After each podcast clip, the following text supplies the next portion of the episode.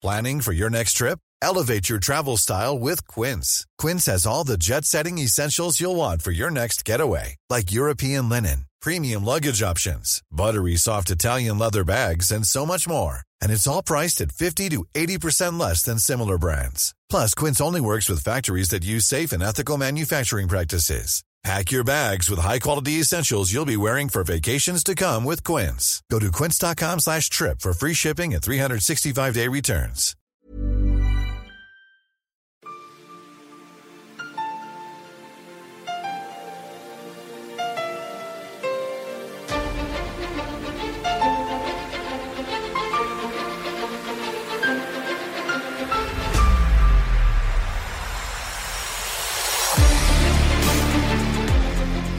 Militärsnack, där militära termer och företeelser förklaras på ett enkelt sätt.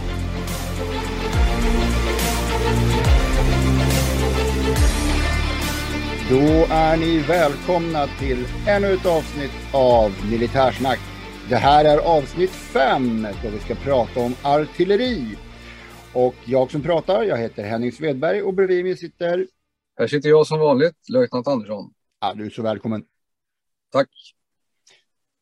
Och vi börjar med att titta lite på kalendern och det säger ju att det är fredag idag, löjtnant. Vad, vad har du i glaset då? Nu är det fredag och då är det öl. Och eh, idag så fortsätter jag på inslagen bana.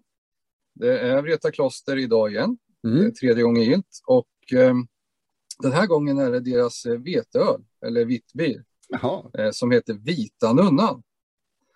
Eh, det är ju en jäkligt eh, somrig och trevlig eh, veteöl. Om man gillar Weissbier så, så är det här ett väldigt bra alternativ. Ja. Ja, somrigt. Ja. Vad, dricker du, vad har du i glaset idag? ja, du överraskar mig lite här för jag själv har valt en Münchenöl, en Schneider Weisse, deras Tapp 7 som är en riktig klassiker på det Müncheniska ölbordet. Och just Schneider Weisse, de har ju då sin egen restaurang vid där de hade sitt bryggeri, men nu är det bara själva restaurangen där och baren. Och är man i München, det ska man vara ibland, då ska man gå på Schneider Weisse. Det är ett av mina hetaste tips i München. Härligt. Ja, jag måste åka, jag har inte varit där. Det är ju nästan eh, hädelse att inte åka dit alltså. Måste Mm. göra det. Ja, eh, jag är en van München-resenär, så att har vill du ha tips på München så får du det av mig. Trevligt. Deutsches Museum ligger ju i München och det är ett fantastiskt museum. Det, det, det måste man gå på. Och utanför München så har de deras flyg, eh, ett gammalt flygfält från 44 som de har byggt om till flygmuseum. Det får man heller inte missa. Dagens ämne är artilleri och du har ju laddat upp en massor med ammunition för det här avsnittet, eller hur? Jajamensan. Vi kör väl igång direkt? Det tycker jag. Och eh, som sig bör så får vi ju börja Historia. som vi brukar göra. Lite historiskt. Mm. Och ehm, vi kommer ju hålla oss till de här truppslagen. Det kommer man ju märka nu. Vi pratade ju om pansar i förra avsnittet och nu blir det artilleri. Eh, till skillnad från pansar så är artilleri ett, ett eh, gammalt eh, truppslag tillsammans med infanteri och kavalleri och så vidare. Mm. Eh, artilleri, det är egentligen ett samlingsnamn för eh, eld och kastvapen. Mm. Eh, så det liksom definierar ju lite artilleri. Det är inte, det kan vara direkt riktad eld, men nu för tiden så är det ju indirekt eld. Mm. Och eh, det här har vi pratat om i ett minusavsnitt. Yes. Och det minusavsnittet pratar vi om granatkastare bland annat. Men indirekt eld, för att bara definiera det först, det handlar ju om att direktriktad eld, då ser jag ofta motståndaren och så skjuter jag på motståndaren eller fienden. Eh, indirekt eld, då kan det vara terräng, eh, byggnader eller annat emellan. Det vill säga Mm. att jag kastar ammunitionen i en kastbana. Eller jag har en, en ballistisk bana som gör att granaten kommer mer uppifrån än direkt på. Mm. Jag har hört definitioner att kanon, då skjuter du rakt så att säga. Men haubits, då skjuter du indirekt. Mm. Det är inte riktigt så enkelt. De här definitionerna har varit lite eh, fram och tillbaks. Förr så definierar man det ofta med eldrörslängd då, gånger kaliber. Och eh, då kanonen skulle ha ett längre eldrör och vara avsett för direktriktad eld. Eh, och haubitsen skulle kunna skjuta högre elevationer och så vidare. Nu för tiden så är nästan all indirekt antingen en granatkastare eller en haubits. Mm. Vi går in på historien kort. Eh, från början eh, var ju det här egentligen då allt som kastade. Det behövde inte vara ett eldvapen. Det var ju ballistor och trebuchetter och sådana här saker. Man ser träkonstruktioner som kastade stenar eh, som vi räknar in i artilleriet. Och sen uppfanns ju kanonen på 1100-talet eh, i Kina då med krut. Och då började det bli annorlunda på slagfältet. Ja. Och eh, det utvecklades ju med tiden. Och eh, man kan grovt kategorisera in dem då i eh, fältartilleri, fästningsartilleri, fartygsartilleri och luftvärnsartilleri. Nu är ju luftvärnet en eget, eget truppslag, men eh, det förr så var det inbakat i begreppet artilleri.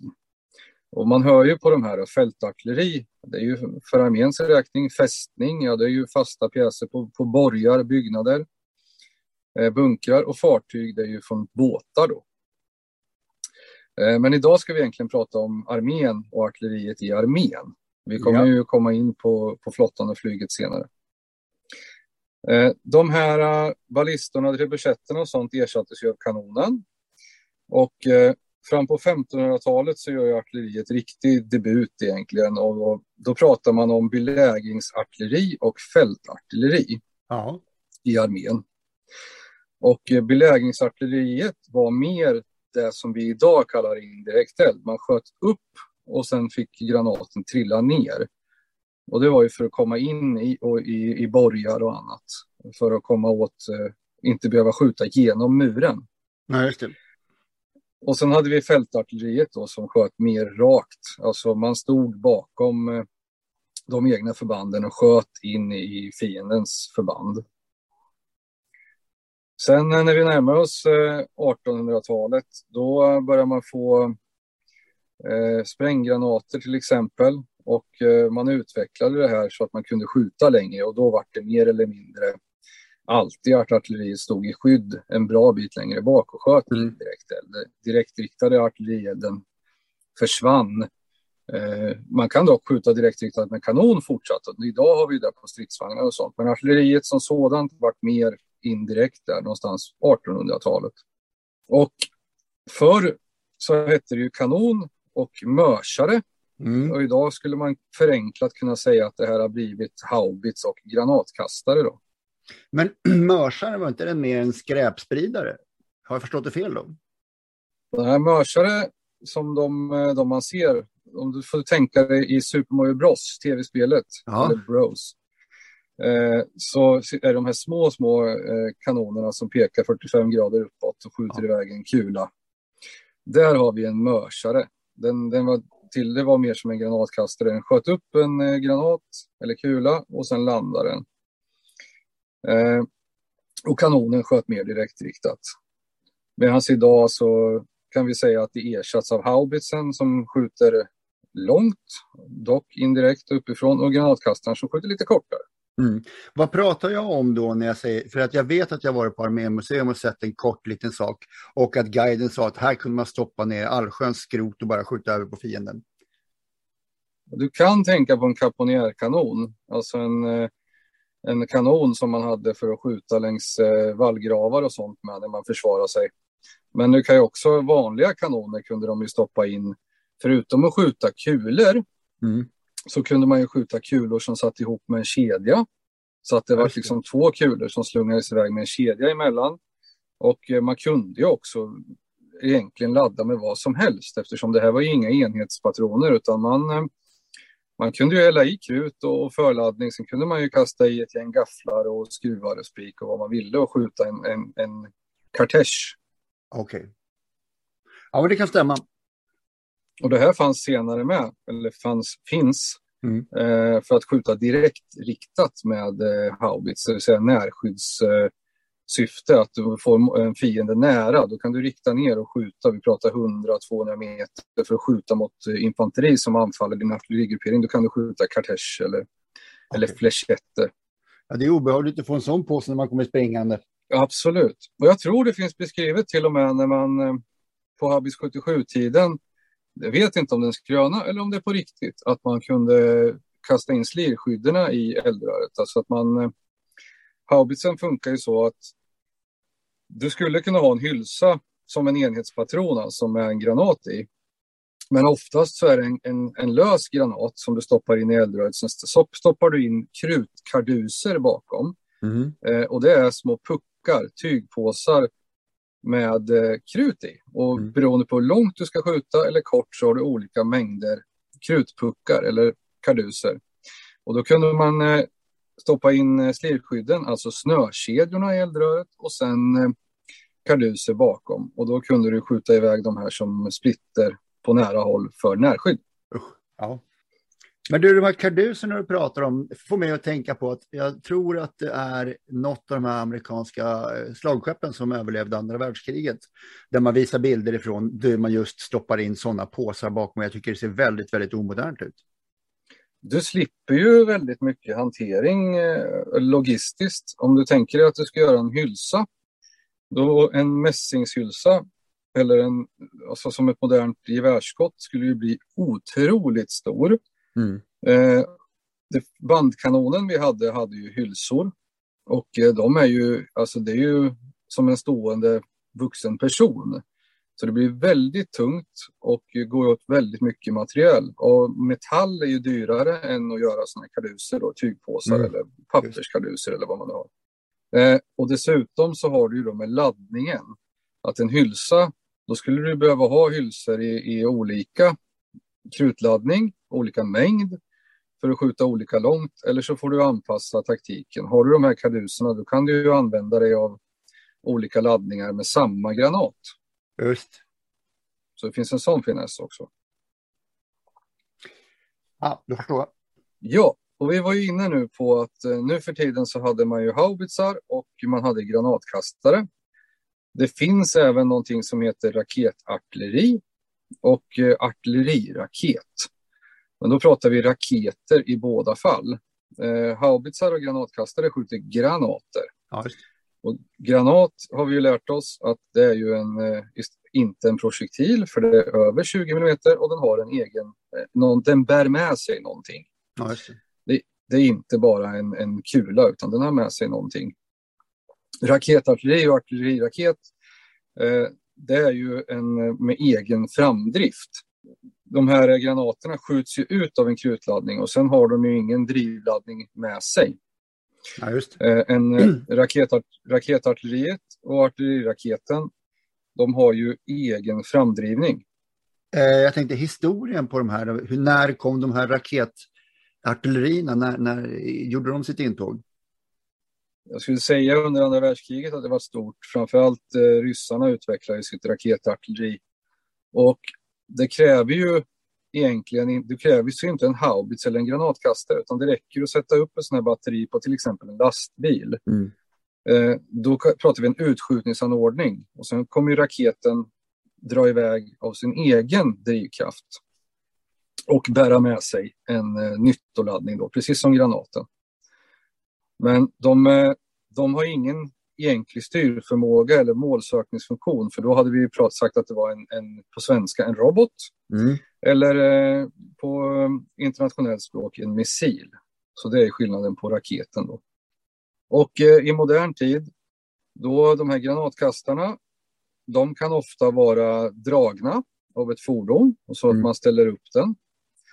Eh, det kan vara buret om det är en liten granatkastare eller så kan det vara självgående, alltså att man har monterat granatkastaren i ett fordon. Och granatkastaren är ju för lite kortare räckvidd. Vi pratar ju kilometrar upp till möjligtvis en mil. Eh, sen har vi ju haubitsen eller kanonen. Den kan också vara dragen, men oftast nu för tiden är den självgående. Och där pratar vi ju längre avstånd, 3 till 5 mil om man skjuter iväg en granat som väger uppåt 50 kilo. Då. När du säger självgående, då menar du ett dedikerat fordon som den är fastskruvad på och inte avser att tas bort ifrån. Så att det är en lastbil eller en lastbilssystem där den ska, den ska alltid vara på den. Jajamensan. Och det kan även vara oftast, oftare än en lastbil, så är det faktiskt ett bandfordon, till exempel en bandhaubits eller en granatkastarbandvagn. Mm. Så att eh, man har ett fordonssystem där eh, man kan gruppera väldigt fort, alltså stanna och göra sig beredd att skjuta och så kan man skjuta och sen kan man åka därifrån väldigt fort. Man vill inte gärna vara kvar där man har stått och skjutit ifall fienden vet, har fått känn på vart det är någonstans. Precis, och det är lite det här med medel och motverkan. Förr då kunde man gruppera sin haubits eller granatkastare mer stationärt. Det tog en stund att ställa upp det här. Eh, och eh, de som man understödde, de som man sköt för, alltså sina egna infanterister och så, de avancerade inte särskilt fort och då hade du tid. Eh, nu avancerar de fort och du måste kunna följa med.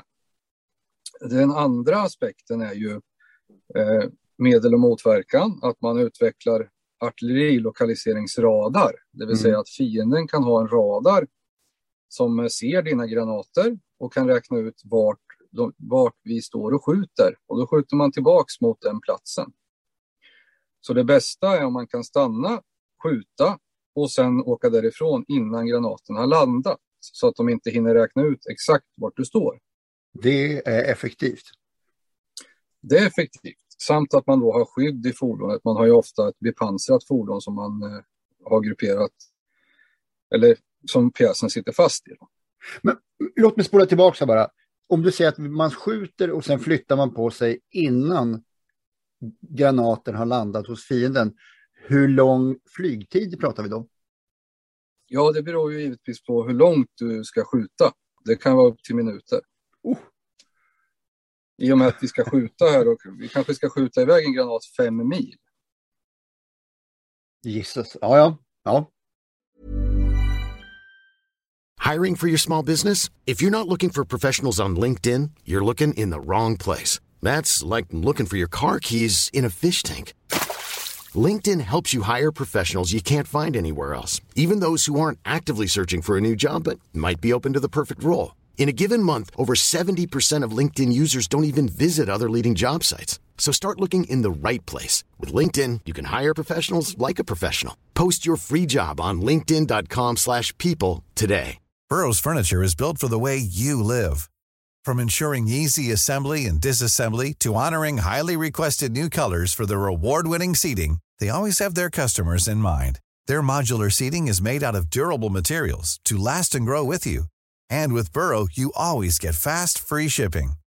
Get up to 60% off during Burrow's Memorial Day sale at burrow.com slash ACAST. That's burrow.com slash ACAST. burrow.com slash ACAST.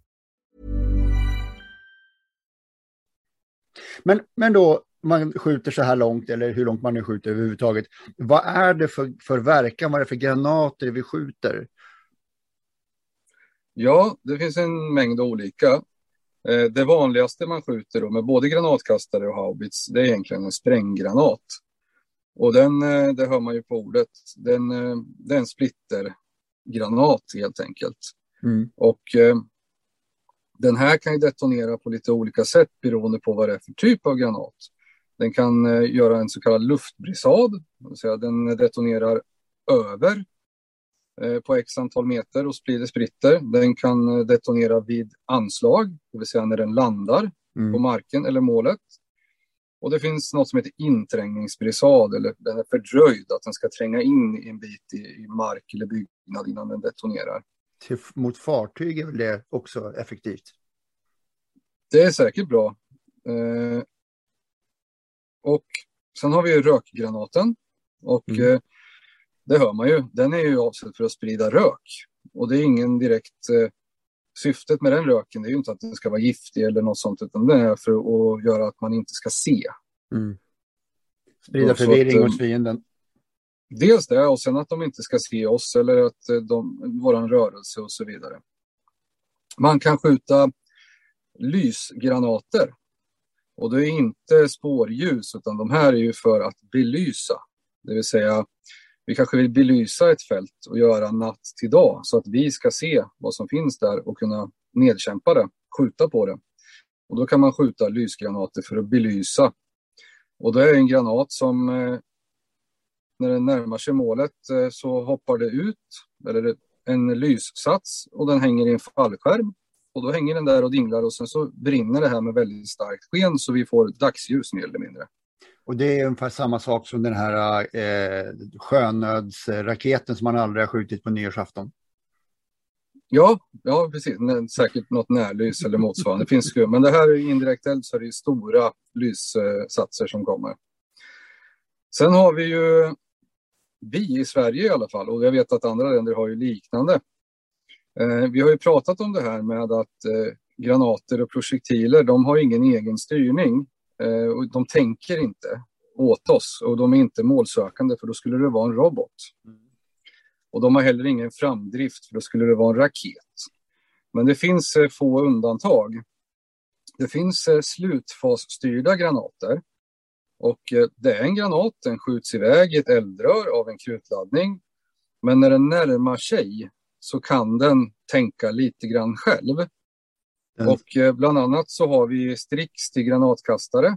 Och det är en, eh, en granat med riktad sprängverkan, alltså mot pansar. Mm. Uh, ungefär som ett pansarskott eller en robot 57 motsvarande. Uh, med en RSV-laddning. Och den här, den börjar titta. Man måste ju skjuta den mot rätt terrängparti, alltså stridsvagn på ett fält. Uh, när den börjar närma sig, då börjar den med en IR-sensor söka efter en värmekälla och hittar den där som ser ut som en stridsvagn eller stridsfordon. Då kan den styra in sig i sista biten med lite raketpuffar för att träffa rätt. Då sitter de här raketpuffarna på sidan av granaten så att mm. den skjuts? Ah. Precis, precis. Så den kan styra lite grann. Och eh, till artilleriet, eh, vad gäller haubitsar, så finns det något som vi har någonting som heter bonus. Och den, eh, samma sak, när den närmar sig så skjuter den ut två stycken mindre stridsdelar som också kan leta sig in sista biten då för att slå ut eh, bepansrade fordon. Sen finns det även styrda granater eh, som också är en granat, men den glidflyger och den kan styra med fenor så att den kan styra sig och eh, med hjälp av GPS träffa på extremt små målområden. Eh, om vi jämför då, om vi skjuter spränggranater med en havsbataljon till exempel, då ska de landa på en stor yta. Då är det flera hundra gånger hundra meter vi, vi, vi träffar på. Ja. Medan en sån här Excalibur-granat, eh, en GPS-styrd, kan träffa eh, ja, enskilda fordon, alltså väldigt små mål. Hm. Vad är det man skjuter på? Alltså, nu har du nämnt stridsvagnar och sånt där. Eh, vi, det är bara idioter som skjuter på bostadshus som vi ser nu ryssarna göra i Ukraina. Vad är det för mål man vill bekämpa med artilleri normalt? Man kan ge olika elduppgifter till artilleriet. Man kan eh, nedkämpa någonting och det är ju då att eh, försätta fienden i, i icke stridbart skick. Det kan ju vara eh, lätta fordon, det kan vara pansarfordon och det kan vara avsutten trupp infanteri. Man kan eh, nedhålla och det kan vara till exempel eh, vi ska anfalla över ett fält och sen finns det en skogsdunge där vi inte vill att fienden ska finnas. Då kan vi nedhålla det partiet eh, så att det är obehagligt att vara där. Eh, vad det gäller rök så kan vi avskärma. Ja, ja förlåt. Eh, vad det gäller rök så kan vi ju avskärma ett terrängområde. Det betyder att vi, vi kommer inte se fienden, men fienden kommer inte se oss. Ja, just. Eller så kan vi förblinda, då skjuter vi ju eh, rök där motståndaren förväntas vara. Och det här kan man blanda också. Man kan blanda mm, de här rökgranaterna med till exempel spränggranater. Mm. Och sen kan man belysa i syfte att få dagsljus på, i mörker. Mm. Och sen så har det funnits i historien, eller finns säkert eh, elaka diktatorer som har gas och kanske till och med kärnvapen i sitt artilleri. Ja, precis. Det finns ju andra, andra olika laster man kan skjuta i en granat, men det här är ju de, de vanligaste som gick igenom som en västerländsk armé eller en svensk armé skulle ha. Det är ju spränggranat, rökgranat, lys och eh, precisionsgranater och sådana här slutfasstyrda pansargranater. Då. Mm. Ja, och de här killarna står ju med sitt artilleri ute i skogen och vem är det som samordnar allt det här så att de inte alla skjuter på samma sak samtidigt eller och vad man ska skjuta på alls? Ja, precis. De här, eh, de här pjäserna, de ser ju inte fienden i, i huvuddelen av fallen, utan det är någon som beställer eh, eld, så att säga. Med, med något av de här, ja, vi ska nedkämpa något eller belysa någonting. Och eh, dels, man kan skjuta från något som kallas för skjuta från ledningsplats och då, då kan det vara en brigad eller en bataljon som i sin planering av eh, en strid redan då planerar den här tiden ska vi skjuta här. Eller så kan de skjuta, eh, säga vi ska skjuta på de här koordinaterna med det här. Mm. Så det, det, kan ske i, som i planläggning uppifrån. Eller man har ett eldtillstånd ute på till exempelvis ett kompani som anfaller i täten. Och då har um, det här kompaniet ett uh, eldtillstånd att ni får skjuta med haubitsbataljonen uh, under den här tiden, en timme kanske. Mm. Och då, då kan man beställa indirekt eld mot mål som man ser under den tiden. Och man kan också, man kan också även om man inte har eldtillståndet så kan man ju anhålla och målbekämpa eh, nu har vi sett en stridsvagn på den här punkten, vi vill skjuta på den. Och då kan man få tillstånd att bekämpa just det målet då. Mm. Ungefär så fungerar det. Okej. Okay. Eh, vad har vi för fina grejer, för fina artilleripjäser att skjuta med om fienden skulle vilja bråka med oss? Ja, idag så har vi ju eh, artilleri på brigadnivå och då pratar vi ju att vi har haubitsar. Eh, och eh, de ingår ju i brigaden och eh, är en del. Brigaden är ju som en stor verktygslåda som vi pratade om i förra avsnittet, eh, pansar och vi kommer att prata om det längre fram. Mm. Men de finns ju med där och där har vi ju Archer, alltså den här eh, haubitsen som eh, man har monterat på en dumper egentligen. Så att man har tagit ett gammalt koncept med en haubits 77 och sen har man monterat det på en, en eh, dumpers, en sån som man kör grus med i, i grustag. Och det här är ett väldigt eh, bra system. Är det det som skjuter så fruktansvärt eh, fort, så att säga? Det är väldigt tätt mellan skotten? Det är tätt mellan skotten, det är kort, kort grupperingstid och eh, bra precision. Sen har vi ju granatkastare som vi har nämnt. Mm. De har vi ju på bataljonsnivå. Så bataljonen har ju, det har jag också sagt innan, att även bataljonerna har ju små delar. Det var det här med vårdcentral som har en brandsläckare och brandstationer i plåster. Va? Mm. Då har vi ju egen indirekt eld på, på till exempel en pansarbataljon. Och det, är, det kan vara draget granatkastare, gammal modell. Eller så har man de nya svenska granatkastarbandvagn eh, 90. Det är alltså stridsform 90 som har fått en roll och den har eh, två stycken granatkastare monterade. Så det är ett självgående granatkastarsystem. Okej. Okay. Och de här utbildas ju eh, bataljonsartilleri som finns på pansarbataljon sånt utbildas ju på de förbanden medan eh, artilleribataljoner med haubitsar utbildas eh, på artilleriregementen och då har vi ett i Boden som heter A8 och det kommer uppstå ett eh, i Kristinehamn igen som heter, kommer att heta A9. Mm. Ser man. Och vi kan gå in lite mer i detalj på också hur, hur det funkar så att man verkligen träffar. De här, eh, för att skjuta indirekt eld så behöver man veta massa saker. Man behöver veta vart man själv är, vart det man skjuter på är. Man behöver ta hänsyn till saker som eh, temperatur, lufttryck, vindar, väder och sådana saker. Eh, och nu för tiden är det ju väldigt smarta datorer som räknar ut det här. Och antingen som jag sa så kan man ju skjuta då på en koordinat, här ska vi träffa. Eller så har man en eldledare. Eh, eldledare finns ofta ute på ner till kompaninivå. Det är en dedikerad grupp eller person som har till uppgift att leda indirekt. Man planerar den innan striden, men man kan också skjuta på uppkomna mål.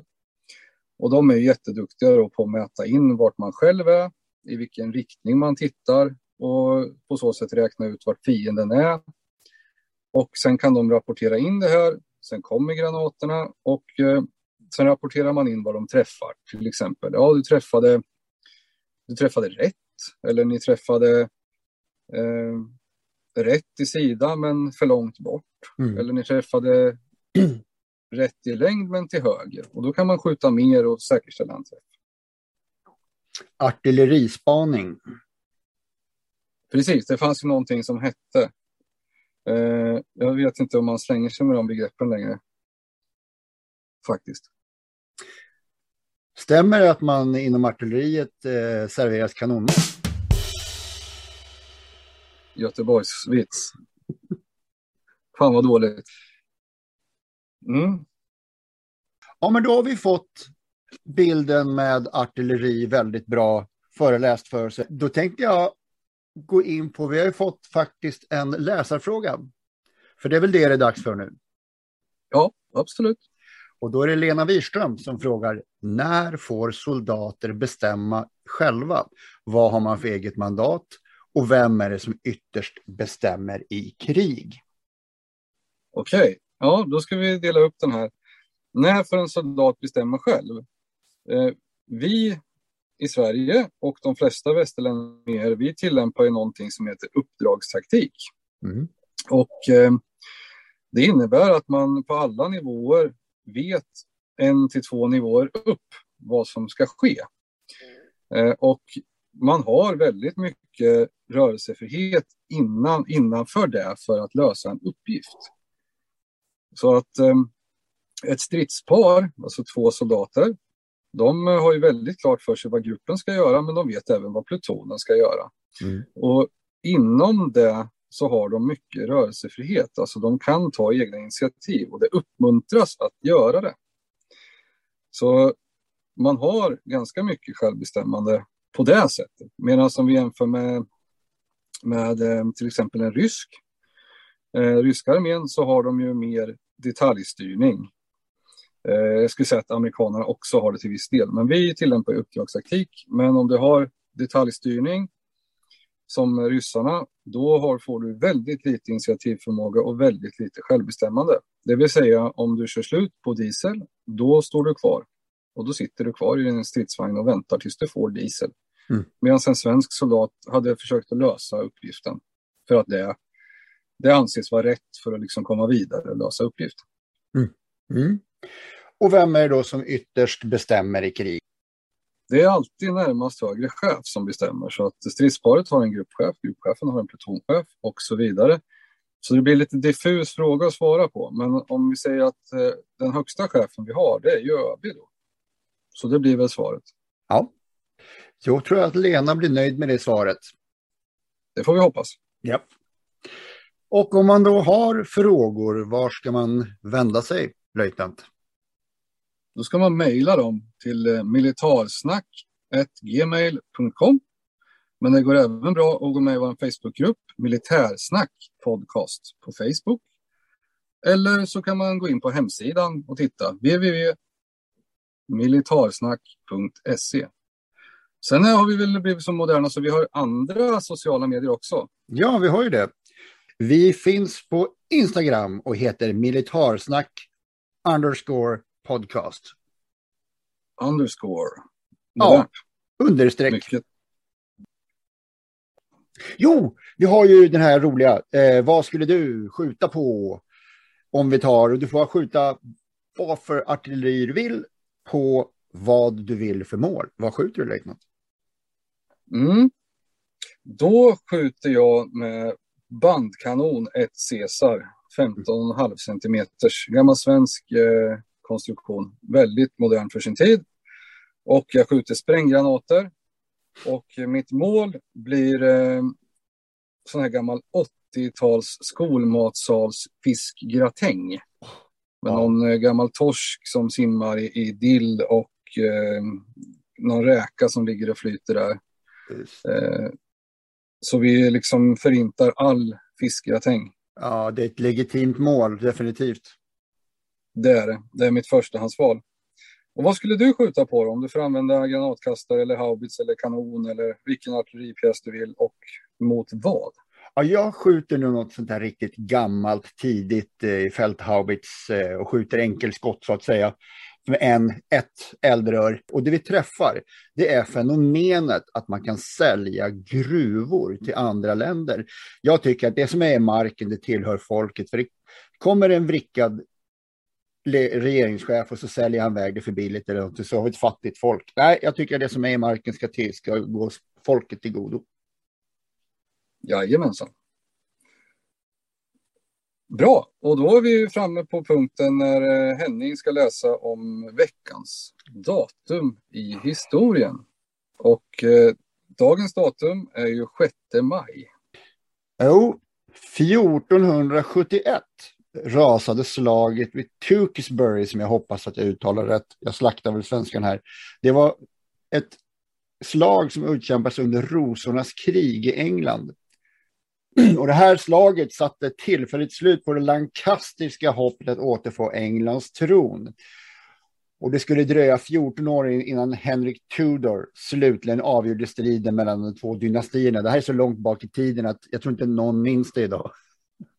Men det är en fördel, då kan vi ju nästan säga vad som helst. Ja, stridande var i alla fall huset York mot huset Lancaster och det, det här är historia. Men intressant. Ja, 3500 man som slog för York och 6000 man som slog för Lancaster. Så slaget var egentligen inte så stort i numerären. Men man vet inte hur många som man förlorade på York-sidan, men Lancaster förlorade 2000 i döda och sårande. Det är alltså 30 procentiga förluster. Det är mycket. Det är för mycket. Ja. Och med det så tackar jag väl för eh, chansen att få göra veckans avsnitt. Det gör vi. Och, det gör vi. Eh, gilla, dela. Eh, tycker ni att det är bra, se till att fler får chansen att lyssna på det. Och ni vet ju var vi finns. Ha det så bra. Ha det bra. Så ses vi i nästa avsnitt. Tack. Hej. Hej.